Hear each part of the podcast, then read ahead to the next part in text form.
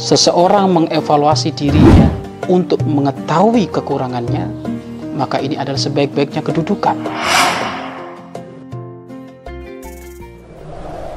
Ayo gabung program wakaf tanah dan bangunan Al-Bahjah Buyut. Hanya 200 ribu per meter. Assalamualaikum warahmatullahi wabarakatuh. Alhamdulillah wa syukrulillah wa la hawla wa la quwata illa billah amma ba'd.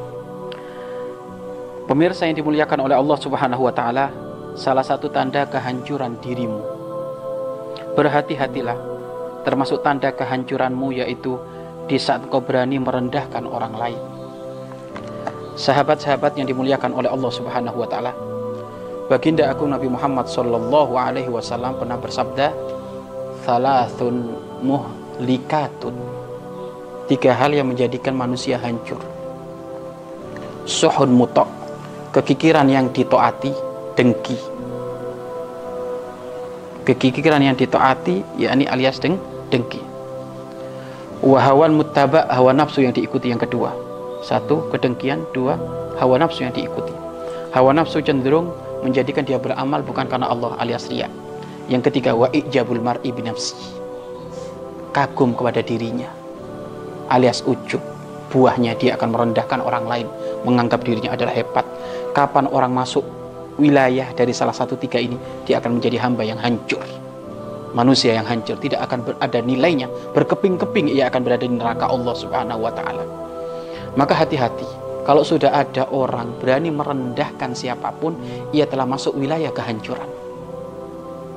Tidaklah orang itu merendahkan orang lain kecuali dirinya itu berhak untuk direndahkan. Kenapa? Karena dia punya kesalahan yang banyak. Kalau kita melihat kesalahan orang, tidak perlu kita rendahkan. Tinggal kita ingatkan. Sekarang masya Allah zamannya zaman fitnah. Kesalahan orang diumbar sana sini tujuannya untuk merendahkan. Tujuannya untuk untuk untuk mempermalukan. Hati-hati loh. Siapa yang membuka aibnya orang akan dibuka oleh Allah aibnya. Siapa yang menutup aibnya orang, aibnya akan ditutup oleh Allah nanti di hari kiamat. Masya Allah. Hati-hati. Apalagi kalau ternyata aibnya para ulama. Kok ulama punya aib? Ya manusia. Mungkin sekali dia punya aib. Tapi nggak perlu dipinjangkan sampai direndahkan kayak gitu. Sudahlah. Kalau ada orang berani merendahkan orang lain, dia masuk wilayah kehancuran. Berarti dia sombong. Ujub, bangga diri. Hati-hati. Emangnya tidak punya kekurangan? Kekuranganmu sangat banyak. Kekuranganmu sangat banyak. Maka jangan pernah merendahkan orang. Lalu bagaimana adabnya? Kalau engkau menemukan ada orang bersalah, doakan. Tawaduklah kepada dia. Tidak perlu kita rendahkan. Ingat loh. Ingat. Yang bermaksiat itu siapa? Hamba Allah. Loh kalau kita kurang ajar dengan dengan hamba Allah yang bermaksiat itu, berarti hakikatnya kita kurang ajar kepada Allah, kepada Allah. Karena yang menciptakan hamba yang bermaksiat adalah Allah. Makanya ahli tasawuf mengajarkan kita itu tidak boleh benci kepada zat pelaku maksiat. Tapi yang kita benci adalah kerjaan maksiatnya itu. Tapi kepada pelakunya kita nggak boleh. Kenapa? Karena dia makhluknya Allah.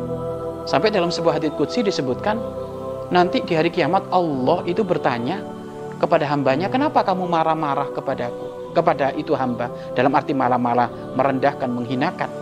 Ya kan? itu itu Allah akan bertanya kenapa kamu marah-marah sama dia padahal dia adalah hambaku kenapa inti berani kok memarah-marahin dia lu Allah akan nanya seperti itu akan ditanya oleh Allah seperti itu makanya kalau kita menemukan ada pelaku maksiat pelaku maksiatnya nggak boleh kita benci tapi maksiatnya kita benci. Karena pelaku maksiatnya adalah dia adalah hamba Allah yang sedang lalai maka hendaknya kita penuh kelembutan dengan dia tidak boleh merendahkan. Hati-hati merendahkan itu meremehkan mencibir menggunjing ya. Dibuka ke sana kemari belangnya busuknya itu orang jeleknya itu orang. Hati-hati loh. Hati-hati hati-hati. Bahkan sekarang ada satu media masya Allah media gosip. Lo gosip nggak? Omongannya ngomongin kejelekan orang. Lo ngomong kejelekan orang itu yang merendahkan. Merendahkan orang itu dengan cara ya ngomongin kejelekannya itu. Hati-hati. Hati-hati. Tak layak orang masuk surga jika dia pernah merendahkan orang. Enggak Surga nggak mau dengan dengan orang yang sombong seperti itu. Bangga diri sehingga merendahkan orang. Surga tidak mau dipijakin oleh orang-orang seperti itu. Maka jadikan diri kita adalah orang yang tawadu. Bahkan tidak perlu kita mencaci maki Fir'aun. Tidak perlu kita mencaci maki Namrud. Tidak perlu kita. Tidak perlu kita mencaci maki setan. Walaupun setan adalah terkutuk. Iya kan?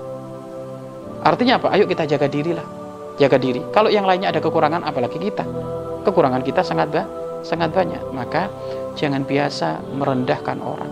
Kadang Masya Allah diobrolin ada di media, di Facebook, di Twitter, di Youtube. Kejelekan orang coba diobrolin. Hanya ingin menjatuhkan namanya. Hati-hati loh. Hati-hati.